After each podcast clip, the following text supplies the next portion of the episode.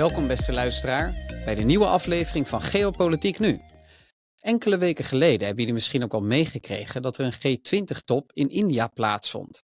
En G20 is eigenlijk een samenwerkingsverband van de grootste economieën en landen in de wereld. Het is eind jaren 90 opgericht en het bestaat nog altijd. Maar toch weet niet iedereen wat de G20 nu eigenlijk doet. En precies daarover gaan we het vandaag hebben. En belangrijk daarbij is voor jou als luisteraar natuurlijk, of voor u als luisteraar, dat je weet wat die G20 voor Nederland betekent. En ook wat voor invloed het heeft op het dagelijks leven van Nederlanders. Dus Rajiv, daar wil ik ook eigenlijk mee starten. Wat betekent de G20 nu eigenlijk voor Nederland en Nederlanders? Waarom het van belang is voor Nederland en waarom wij dat eigenlijk moeten volgen, wat daar gebeurt, is omdat bij de G20 het hele geopolitieke schouwspel zichtbaar wordt. Veel meer dan bijvoorbeeld bij lokale of regionale instanties zoals de Europese Unie, Afrikaanse Unie of wereldwijde instanties als de Verenigde Naties. Je ziet daar heel mooi, op zowel op macro, maar ook microniveau, kom ik zo meteen op, hoe de verhoudingen van landen, uh, ja, hoe dat zich ontwikkelt. Bijvoorbeeld zie je dat bij de interpersoonlijke relaties tussen premiers. Dat zegt natuurlijk heel veel. Wie lacht, wie lacht niet. Wie geeft een stevig handdruk, wie niet. Bij diner is heel belangrijk. Je zou denken, het is maar een etentje. Nee, wie zit naast wie? Het is eigenlijk net als op een trouwerijfeest of op een verjaardagsfeestje. Daar wordt ook heel veel zichtbaar. Als je even als een toeschouwer daarna zou kijken, dan zou je na een verjaardagfeestje ook kunnen zeggen: ja, hoe staan de verhoudingen nou eigenlijk? Dus eigenlijk krijg je daarmee al die grote geopolitieke verhoudingen echt een gezicht. Dus we hebben het dan niet meer over grotere organisaties als de Europese Unie of grote landen als Rusland en Amerika en China. Maar je ziet ze daar echt als persoon rondlopen. En die interpersoonlijke verhoudingen duiden dus eigenlijk ook op, in enige mate in ieder geval, hoe goed mensen met elkaar overweg kunnen en hoe goed landen met elkaar overweg kunnen. Dus in die zin zie je ook heel snel terug als er haarscheurtjes zijn tussen landen, of dat er bepaalde landen juist steeds beter met elkaar gaan samenwerken. En als we dat dan nog concreter maken, heb jij op de G20 teruggezien dat bepaalde landen juist beter met elkaar zijn gaan samenwerken en andere landen juist niet? En wat betekent dit voor Nederland? Inderdaad, wat dan voor Nederland van belang is, ik zal alleen die relaties even verder uitdiepen. En dat is inderdaad het mooie wat je hebt gezegd. Het, heeft, het krijgt echt een gezicht. Want wij praten vaak over theorieën, maar we zijn mensen en geopolitiek is eigenlijk ook mensenwerk. En dat zie je daar heel mooi terug. Nou, wat mij opviel en wat voor Nederland van belang is, is bijvoorbeeld de relatie tussen het Westen en India. We hebben al eerder aangegeven, ook tijdens de BRIC-podcast, twee podcasts terug, dat er een, eh, een bipolaire wereldorde is, wat China en Rusland willen. Dus dat de wereldmacht verdeeld wordt tussen Amerika en China. Je hebt unipolair, Amerika natuurlijk, en het multipolaire. En we geloven denk ik beide dat de wereld meer een multipolaire wereldorde wordt, waarbij macht eigenlijk meer verspreid raakt over grote delen van de wereld. Ja, vooral waar Amerika dat toestaat. Precies. Ik geloof eigenlijk heel erg sterk in een unipolaire wereldorde waar Amerika altijd in staat is zijn eigen kernbelangen te behartigen, waar ook ter wereld.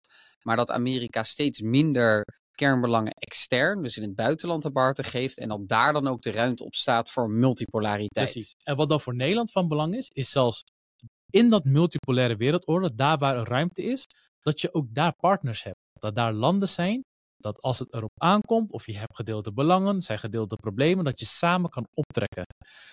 En India is zo'n land. En wat mij opviel, en ik volg de G20 al een aantal jaren, is dat de, zelfs de persoonlijke relaties tussen Biden en Modi aan het begin veel meer koud was. Vergeleken met nu zaten ze elkaar te knuffelen, ze zaten ook naast elkaar. Bij diner, bij diner, bij diner zaten ze naast elkaar, niet eens de Russische minister van Buitenlandse Zaken. Uh, dus de relatie tussen India en Amerika wordt hechter, ook op premiersgebied, presidentsgebied dan. Zodanig zelfs, en dat is waar Nederland de les uh, uit moet trekken, is dat Biden, en ik heb daar een heel mooie foto van, dat Biden ging schreeuwen of een, uh, ja, zijn vinger ging wijzen tegen premier Trudeau. En er zijn geruchten dat Biden dat echt tegen Trudeau deed, omdat Trudeau te ver ging tegen India.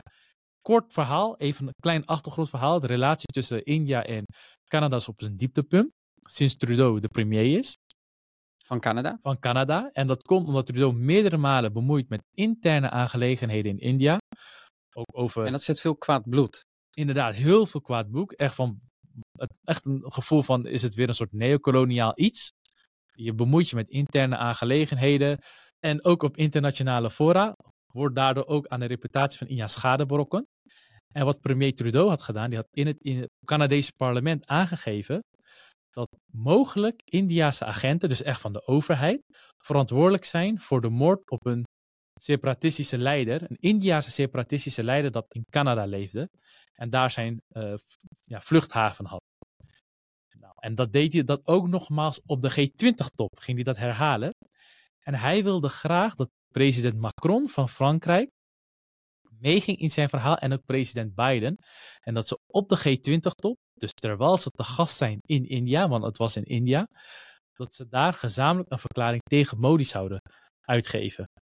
Van dat hij verkeerd bezig is eh, en ook qua democratie dat het waarschijnlijk niet klopt. En dan zie je een hele leuke foto van Biden die zo'n vingertje wijst tegen Trudeau. Dat Biden daar absoluut niet op zit te wachten. Hij zit daar niet te wachten. Macron had ook iets. Wat was zijn citaat? Ik moet even nadenken van.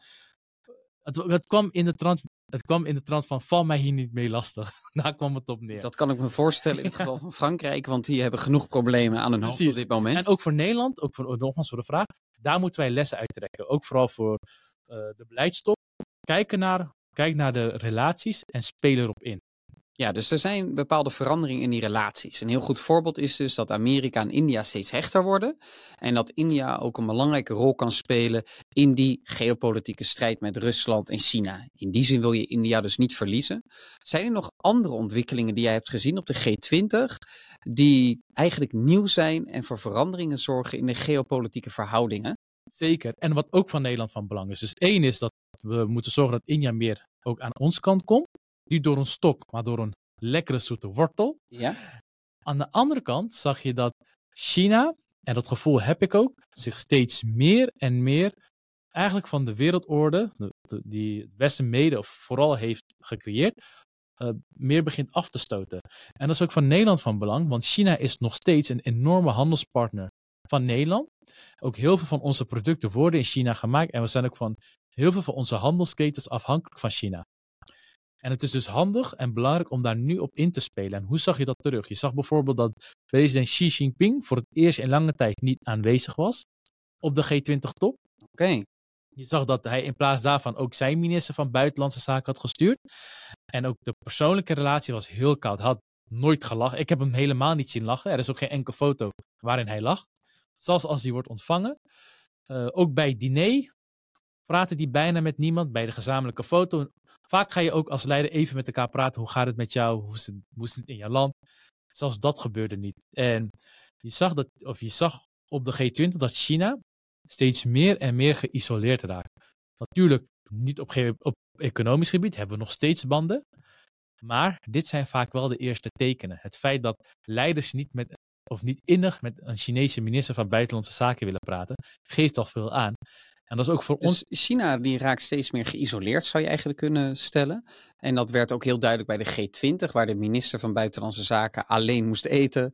Niet echt lol had toen er een foto gemaakt werd. Oh ja, en hij is ook eerder weggegaan. En hij is ook eerder weggegaan. En, Xi, ja. en Xi Jinping zelf kwam helemaal niet. Dus we zien dat China zich op dit moment aan het isoleren is. En dat ze ook best wel geïsoleerd leken op die top. Xi Jinping kwam zelfs niet.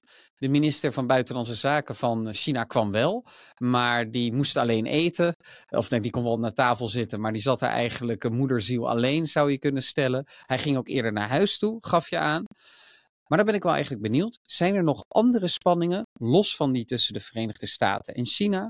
En los van die tussen de Verenigde uh, Staten en Rusland, los van de EU en Rusland, die je ook terugzag op de G20-top? Ja, dat is heel duidelijk, de spanning. Ik denk dat iedereen dat wel daar voelde tussen India en China.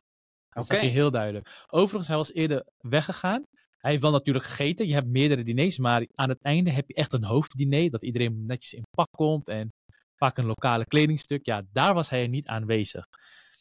Ja, en dat is een beetje ook onrespectvol als het ware naar de gastheer toe. Het wordt verwacht dat de, de gastheer doet heel veel moeite dat je wel bij het eten aanwezig bent. Nou, daar was hij al weggegaan. En je zag het daarvoor al. Bij de voorbereiding eh, van de G20 dat China echt om de kleinste dingetjes moeilijk deed. Bijvoorbeeld, elk G20 heeft een eigen motto. Natuurlijk in de lokale taal van de gastheer. Nou, de motto van G20 van dit jaar, uh, wat in september had plaatsgevonden, was Vasudeva Kutumbakam. Dat is een Sanskriet gezegde uit de Veda's en dat betekent de wereld is één familie. Nou, China, die zou denken, wat is daar mis mee? Daarvoor hebben we ook de G20. Nou, China had de kritiek op, die zei, ja, Sanskriet behoort niet tot de officiële talen. Van de VN? Van de VN, maar ook niet van de G20. Dus dat mag niet worden opgenomen. Nou, dus India heeft het gewoon genegeerd, heeft het gewoon toch gedaan. Op de kaart, dus op de uitnodigingskaart zie je natuurlijk ook de kaart van India. Ook daar had China weer kritiek op, omdat de grenzen niet klop, uh, kloppen.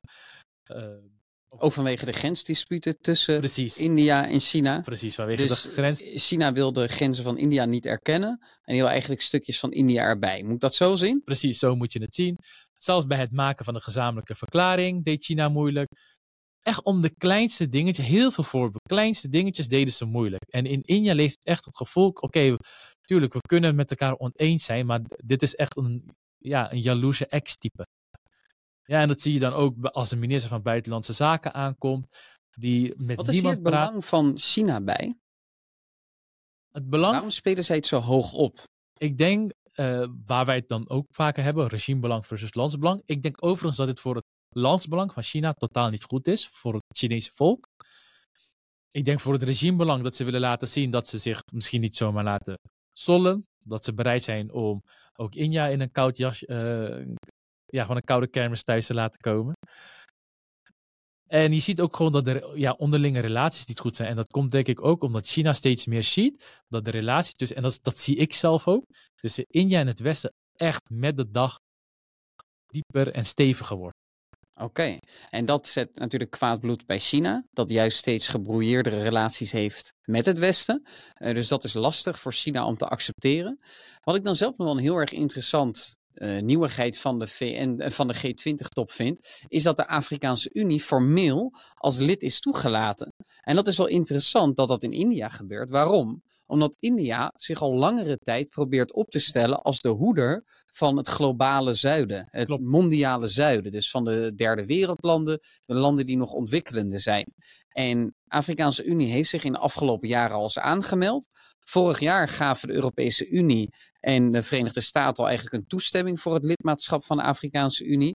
Maar Modi wilde heel graag dat het in India zou plaatsvinden dat de Afrikaanse Unie lid zou worden. Waarom is dat zo? Waarom is dat zo belangrijk voor India en Modi? Omdat, inderdaad, zoals je al eerder aangaf, dat is eigenlijk het geval sinds de onafhankelijkheid van India. Wilde India een soort van leider, de voorzitter zijn van landen van de Global South. Dus dan kan je denken aan Latijns-Amerika, maar vooral Afrika en ja, wat armere Aziatische landen. Zij hadden natuurlijk in het verleden ook de Organisatie van Niet-Gebonden Staten opgericht. Van we willen niet tot de Sovjet-Unie behoren, maar ook niet tot het Westen. We willen onze eigen ontwikkeling centraal stellen. En diezelfde lijn zie je nu eigenlijk terug. De organisatie bestaat niet meer, maar er is wel weer een nieuwe Koude Oorlog. Ik denk dat we daar wel allemaal mee eens zijn. Soort van, of begint zich in die richting te ontwikkelen. En India wil ook hier weer laten zien, wij willen weer ook de voorzitter zijn van de globale zuiden. Waarom? We hebben dezelfde problemen, armoede. En we willen, zijn allemaal ontwikkelende democratieën.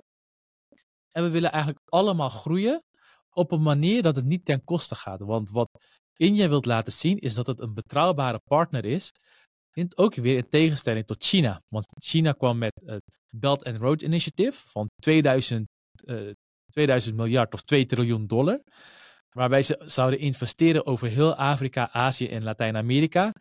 Maar ja, ja, ja, jij zelf je hebt een Sri Lankese vriendin. Het beeld over China en Sri Lanka is helemaal de andere kant opgedraaid. Ja, dat waren geen beste investeringen. Ja. Dus dat heeft heel veel kwaad bloed gezet. Mhm. Dus maar dan, dan is het denk ik voor de luisteraar ook duidelijk waarom het voor India zo van belang is dat de Afrikaanse uh, Unie lid werd van de G20 in India, in Delhi. En wat ik de laatste eh, jaren ook wel heb gezien, of het laatste jaar met name, is dat er heel veel trots in India was dat zij de voorzitter mochten zijn van de G20 dit jaar. En dat het wat dat betreft ook echt een doorbraak is voor de geopolitieke reputatie van India. Zij wilden nu echt laten zien, wij doen ertoe op het wereldtoneel En Modi heeft dat ook wel een beetje in het regimebelang gebruikt. Tuurlijk, hij en ook de maanlanding kwam toevallig, nou, dat was niet toevallig, kwam ook op de rond dat moment. Ja, dus Ja. op het moment dat begin september de G20-top in Delhi plaatsvond, plaatsvond, was het ook zo dat India voor het eerst een maanlanding had gerealiseerd op een, Op de met- Zuidpool van de maan. En geen enkel land had dat gedaan. eerder. ja, op een heel bijzondere manier op de Zuidpool van de maan. Dus dat zorgde er ook voor dat India een sterke reputatie kreeg. En dat is wel heel erg grappig om te zien. Dat India dit echt probeert aan te grijpen als een soort doorbraak voor de geopolitieke reputatie van, eh, van het land. En dat is in die zin ook, eh, ook logisch. Maar ik ben nog wel even benieuwd. Er komen natuurlijk verkiezingen aan in India. Of in elk land is dat ieder jaar wel, maar op dit moment ook in India komend jaar. En het is ook wel het regimebelang van Modi om zichzelf echt als een soort wereldleider neer te zetten, ook intern. Zou je daar meer over kunnen vertellen? Over die dynamiek tussen de G20 aan de ene kant en het Indiase regimebelang aan, het, aan de Ja. andere kant? Heel duidelijk. Dus volgend jaar heb je verkiezingen in India. De grootste verkiezingen in de wereld. Van Ja, anderhalf miljard inwoners. anderhalf miljard inwoners. Er worden wekenlang over gedaan, logisch. Maar dat daar zijde. Inderdaad, Modi wil laten zien dat India het doet. En los van de regimebelangen die er spelen, en misschien eigen biasen wat ik ook zou kunnen hebben, het is ook gewoon zo. Als je kijkt naar een India van nu, vergeleken met het India voor 2014, dus voordat Modi eh, premier werd, het zijn twee hele verschillende werelden. Ook op geopolitiek gebied doet India steeds meer toe. Er wordt ook rekening gehouden met de belangen en met de stem van India. Vergeleken met de premier voor Modi, dat was Manmohan Singh. Ja, en die was bijna altijd onzichtbaar bij internationale top. Was heel, hij was ook qua persoon heel introvert. Ja, ik weet niet of dat ook handig is als premier. Eh, die was weinig te zien. Er was, kwam weinig tot geen initiatief uit India. Ja, dat is nu helemaal omgedraaid. En dat is natuurlijk ook belangrijk, inderdaad, voor de verkiezingen. Want dan hoopt hij extra zetels daarmee Ja, te winnen. Terecht eh, of niet? En wat je in India ziet is heel apart, frappant, is dat Modi, de BJP, het heel goed doet op de nationale verkiezingen. Echt heel goed. Ik denk dat ze nu weer makkelijk de 70%, 60% van de zetels zullen halen. Maar op staatsverkiezingen doen ze het altijd heel slecht. Ah, En dat heeft te maken dat de bevolking vaak het idee heeft, ja, op staatsverkiezingen kiezen we eerder voor lokale partijen, wat je in Nederland ook wel ziet. Want zodat de echt lokale issues worden opgepakt en het is toch veel dichterbij. Maar als het op nationaal niveau aankomt en reputatie naar het buitenland, vertrouwen we toch wel eerder op Modi. Als het op defensie aankomt, reputatie naar buitenland, buitenlandse handelssamenwerkingen. Dus dat is het interessante en dat ga je ook nu weer terugzien. Ah oké, duidelijk. Dat is wel een interessante. En dan speelt identiteit hier misschien wel ook een rol in. Dat je je nationale identiteit leidend laat zijn bij nationale verkiezingen. Terwijl je regionale staatsidentiteit leidend laat zijn bij staatsverkiezingen. Precies. Maar is denk ik logisch. Ik zou denk ik hetzelfde ook hebben als dat in Europa zouden doen. Ja, ja, ja da- daar zouden we het ook zomaar terug kunnen zien. Wat ik wel een interessante ook nog vind, is dat de rol van de G20 eigenlijk de afgelopen jaren op een bepaalde manier bijzonder is geweest. Want deze organisatie bestaat pas sinds 1999 en is eigenlijk opgericht door de 20 grootste landen in reactie op de Azië- Azië-crisis, eh, economische crisis eind jaren 90. En was in eerste instantie alleen bedoeld voor de ministers van Financiën en voor de voorzitters van de centrale banken. In 2008 werd eigenlijk de eerste keer een grote top georganiseerd in reactie op de Amerikaanse kredietcrisis. En werd de wereld misschien ook wel gered door de, het snelle handelen van de G20, omdat er toen werd besloten door de ministers van Financiën en ook voor het eerst dat er toen staatsleiders participeerden bij de G20-top om 4000 miljard dollar te injecteren in de economie om de vraag weer omhoog te krijgen en de economie niet in te laten storten. Daarbovenop spraken ze in G20-verband af, en dat was echt baanbrekend, om geen protectionistische maatregelen te nemen. En dat was uniek.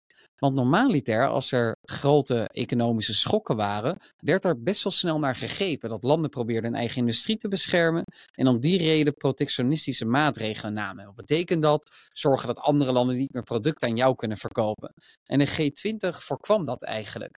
Is het eigenlijk de reden waarom, ik denk dat daarom de G20 groeit? Eh, denk je ook niet dat juist de G20 hier de ruimte voor biedt en dat eigenlijk in de VN hier minder ruimte voor is? Om zo snel bij elkaar te komen, zo snel te reageren, vanwege dat soort van informele karakter. Ja, ik denk het wel. Ik denk dat dat een van de krachten is van de G20. Ze hebben geen formele structuren, ze hebben geen formele beslissingsbevoegdheden. Het is allemaal gebaseerd op goodwill van mensen zelf. Ze hebben zelfs niet een eigen organisatie. Vandaar ook dat het ieder jaar in een ander land georganiseerd moet worden. En dat dat land zijn best moet doen. En krijgt dat land niets gedaan, dan zet je ook de reputatie van dat land op het spel. En dan wordt het in één keer heel erg tastbaar dat je goed met elkaar moet omgaan, omdat je anders in de toekomst zelfs uh, schade ervan kunt ondervinden als jij niet iemand iets gegund hebt. Ja, er is geen G20-kantoor of zo, hè? Er is geen G20-kantoor, dus je kunt je ook niet afzetten tegen bureaucraten. Dus ga jij niet akkoord met beslissingen, dan ga je eigenlijk niet akkoord met de gastheer. En als de gastheer daarom niet blij is, om het maar even in, in, in simpele taal uit te drukken, dan zal die in de toekomst jou ook minder gunnen. Dus op die manier word je heel snel geconfronteerd met je eigen handelen. En dat is sneller bij de G20 het geval dan bij de VN. En dat vind ik wel een heel interessant karakter van de G20, die het misschien op een bepaalde manier ook wel extra kracht geeft. Oh ja, ik snap wat je bedoelt. Bij de VN kan je toch wel een soort van afzetten op. Die ook bij de Europese Unie overigens, op de internationale organisatie. Ja, de VN moet het, van de VN moet het, of zij doen het slecht. Weet je wat we in Nederland ook zien? Wordt heel snel de schuld gegeven aan de EU. Maar hier kan het niet. Nee, zeker niet. Omdat jij ziet dat de uh, internationale orde aan het veranderen is op een bepaalde manier. Dan wil je natuurlijk niet een land in zijn hemd zetten. En zou bijvoorbeeld nu ook Amerika en Brazilië en de Europese Unie en Frankrijk en Spanje en ga zo maar door niet akkoord gaan met wat India voorstelt, dan onthoudt Modi dat natuurlijk. En dan gaat hij dat volgend jaar ook terugbetalen. Omgedraaid is dat natuurlijk ook zo. Stel je voor, volgend jaar, ik weet even niet wie de voorzitter is, maar stel je voor de Europese Unie is voorzitter. En uh, de Europese Unie komt met voorstellen. Uh, en India blokkeert alles. Dan is het natuurlijk ook zo dat de Europese Unie zich realiseert: oké, okay, it's payback time het jaar erna. Dan gaan we ook niet meer akkoord met wat jullie voorstellen. Tegelijkertijd, tegelijkertijd, de echte grote formele beslissingen worden natuurlijk niet genomen bij de G20. Dus dat zorgt er ook wel voor dat de verwachtingen wat lager gespannen zijn dan binnen de Europese Unie en de VN. Ik denk dat het belangrijkste is voor G20. Ik denk dat daarom Nederland er ook bij is, zeg op eigen initiatief. En dat Nederland is ook de 17e economie in de wereld. Is, ik denk inderdaad, je wilt directe acties voor wereldproblemen. Maar ik denk voordat je voor, tot directe acties kan overgaan, moet je wel een soort van verwachtingsmanagement hebben. En ik denk dat daar juist de G20 daar het best voor schikt. Wat zijn de verwachtingen tegenover elkaar? Wat zie je ook in de afgelopen G20? Als we het misschien positief kunnen afsluiten. Uh, bij klimaatverandering. Inderdaad, bij andere zaken, als het gaat om inval van Rusland in Oekraïne of de grenzen tussen India, China en Zuid-Chinese Zee, de spanningen al daar. Inderdaad, zijn de landen niet echt tot een sterke, stevige verklaring kunnen komen. Maar bij klimaatverandering is dat eigenlijk wel het geval. Vond ik dat zelf heel positief. Al de landen, zelfs Rusland, ook China, die hebben aangegeven dat klimaatverandering een stevig een groot probleem is. Dat moet worden aangepakt, dat prioriteit verdient. En voor het eerst stond er ook, voor het eerst stond er ook biodiversiteit op. Nou, het stond er al, al eerder, maar voor het eerst stond het zo prominent. Dus prominent op de agenda. Prominent, dus ook het hele biodiversiteitsprobleem, dat dat moet worden opgelost. En ik vind het ook goed, sterker nog, ik denk juist dat groene zaken, klimaat, natuur, milieu, dat dat zelfs de zaken zijn waar zelfs de ergste vijanden wel bij elkaar ja, kunnen komen. Ja, het is in ons aller belang. Precies, ja. Ja, ja, ah, ja, dat, ja, dat is denk ik wel waar. Ja, ik vind toch die ontwikkeling van de G20 wat dat betreft interessant. Van eerst alleen een club voor landen uh, zonder Afrikaanse Unie dan eigenlijk erbij. Puur gericht op financiën.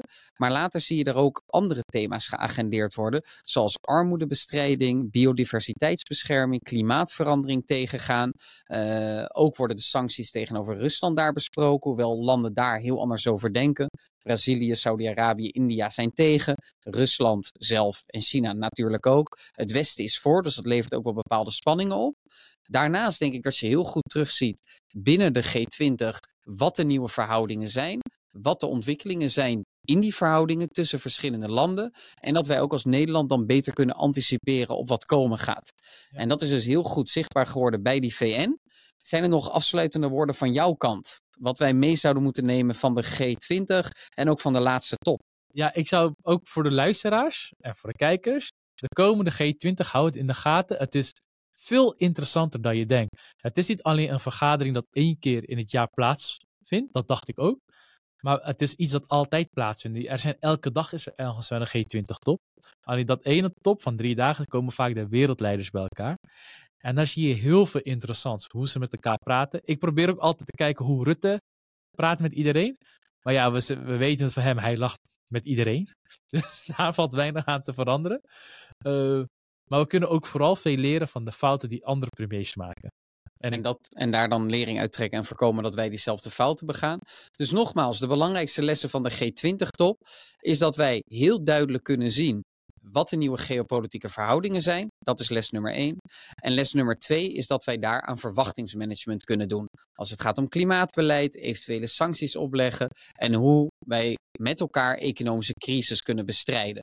Verwachtingsmanagement en de nieuwe geopolitieke verhoudingen zien. Dat is wat je bij de G20 cadeau krijgt. En dat is ook waar Nederland lering uit zou moeten trekken.